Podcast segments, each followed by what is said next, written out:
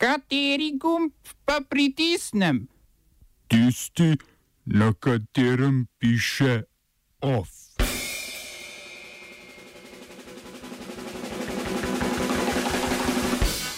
Razpadla romunska koalicija.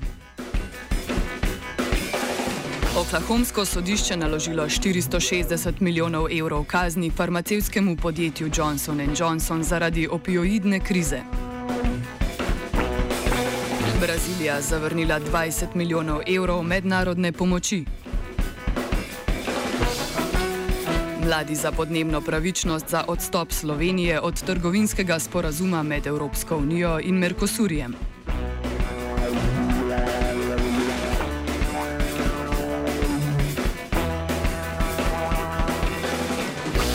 V Romuniji je iz koalicije izstopila Zveza liberalcev in demokratov oziroma ALDE. Vladajoči stranki socialnih demokratov oziroma PSD sedaj manjka 28 sedežev do parlamentarne večine. Vodja Alde Kalim Popesku Taričeanu je kot razlog za izstop navedel samovoljne odločitve partnerice brez medstrankarskega posvetovanja. Premijerka iz vrst PSD Viorika Dančila je namreč naznanila svojo kandidaturo na predsedniških volitvah v novembru, s tem pa Taričeanu ni bil več edini provladni kandidat. Dančila ima sedaj 45 dni časa, da skliče parlamentarno glasovanje o zaupnici svoji vladi. S tem se vladajoča stranka sooča še z enim udarcem, potem ko je bil maja njen takratni predsednik Liviju Dragneja aretiran zaradi korupcije.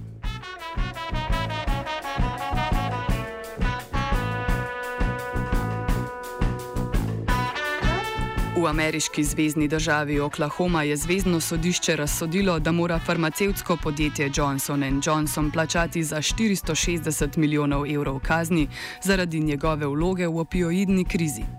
Denar bo namenjen programom skrbi za odvisnike in pomoči njihovim družinam. Podjetje je namreč proizvajalec protibolečinskega zdravila, ki vsebuje opioide. V svoji oglaševalski kampanji za zdravilo, ki jo je zvezdni tožilec označil za kampanjo pranja možganov v vrednosti več milijard dolarjev, je možnost zasvojitve prikazovalo kot bistveno manjšo, uspešnost zdravil pa napihnilo. Zaradi tega so številni zdravniki pacijentom predpisali njihovo zdravilo, tudi ko to ne bi bilo potrebno. Tako je bilo denimo med letoma 2015 in 2018 zgolj v Oklahomi, ki šteje manj kot 4 milijone prebivalcev, predpisanih 18 milijonov receptov za zdravilo. To je vodilo do številnih primerov zasvojenosti in smrti zaradi prevelikega odmerka. V tem tisočletju naj bi v Oklahomi zaradi prevelikega odmerka opioidov umrlo okoli 6000 ljudi.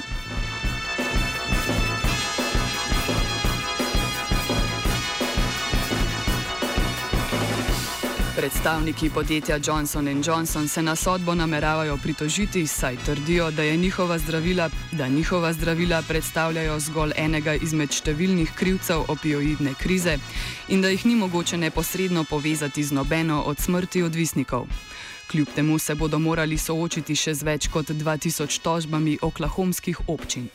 Vendar le je po razsodbi vrednosti delnic podjetja narasla, saj so vlagatelji pričakovali bistveno višjo kazen, državni sodilec je namreč zahteval 15 milijardno odškodnino. S podobnim sodnim postopkom se je do nedavnega soočalo tudi podjetje Purdue Pharma, ki je svojim zdravilom Oxycontin sprožilo opioidno krizo v 90-ih letih prejšnjega stoletja. A podjetje se je z državo še pred sodbo pogodilo za 240 milijonov dolarjev odškodnine.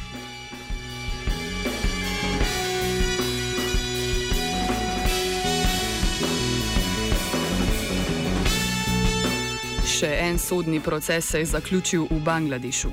Vrhovno sodišče je pritrdilo skupinam za človekove pravice in razsodilo, da na poročnih certifikatih muslimank ne sme več pisati, ali je nevesta devica. Do sedaj je morala namreč nevesta izbrati, ali naj na njenem certifikatu piše, da je devica, udova ali ločenka. Izraz devica bo moral sedaj nadomestiti izraz neporočena. Obenem bo moral med istimi možnostmi izbirati tudi ženin, katerega prejšnji status se do sedaj ni beležil.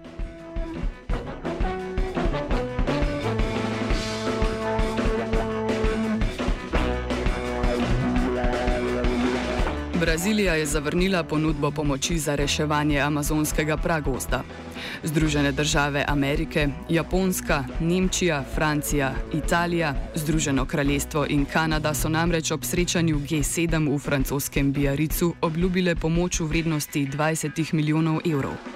Francija je še dodatno ponudila pomoč svojih vojakov. Brazilija sicer ni podala uradnega razloga za zavrnitev pomoči, a v zadnjem času se vrstijo nesoglasja med Brazilijo in Francijo. Brazilski predsednik Jair Bolsonaro je nedavno obtožil francoskega kolega Emanuela Macrona, da Brazilijo obravnava kot kolonijo. Načelnik brazilskega generalštaba Onyx Lorenzoni pa je za brazilski medij Globo News izjavil, da bi bila ta sredstva potrebnejša za pogozdovanje Evrope ter da Macron pred ognjem ne more obvarovati niti katedrale Notre Dame in zato ne more poučevati Brazilije. Medtem je Macron zagrozil z blokiranjem trgovinskega sporazuma med Evropsko unijo in ekonomskim združenjem južnoameriških držav Mercosur, če Brazilija ne bo pričela sprejemati ukrepov za reševanje.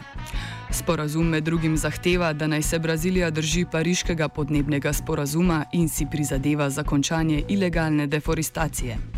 Okoljevarstveniki prav sledno vidijo kot vzrok velikih požarov ter kritizirajo Bolsonara, ki naj proti njej ne bi ustrezno ukrepal.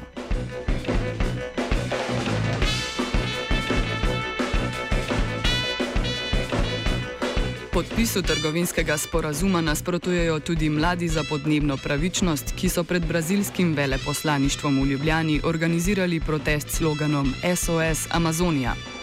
Sporazum po njihovem mnenju še povečuje potrebo po krčenju gozdnatih predelov za namene kmetijskih površin.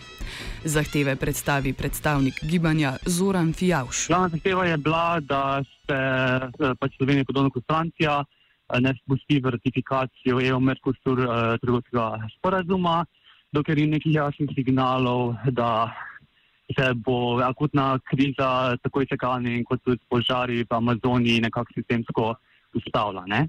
Uh, to pa tudi, da se v bistvu Sloveniji začne uh, sprejemati neka ambiciozna okoljevarstvena politika. Zakaj nasprotujejo sporazumu, razloži Zoran Fijavš. No, kot prvo je lahko ta sporazum, račune, sporazum razume kot uh, eno ročico, da se v bistvu uh, ne uh, uh, vpliva na bližnjo politiko.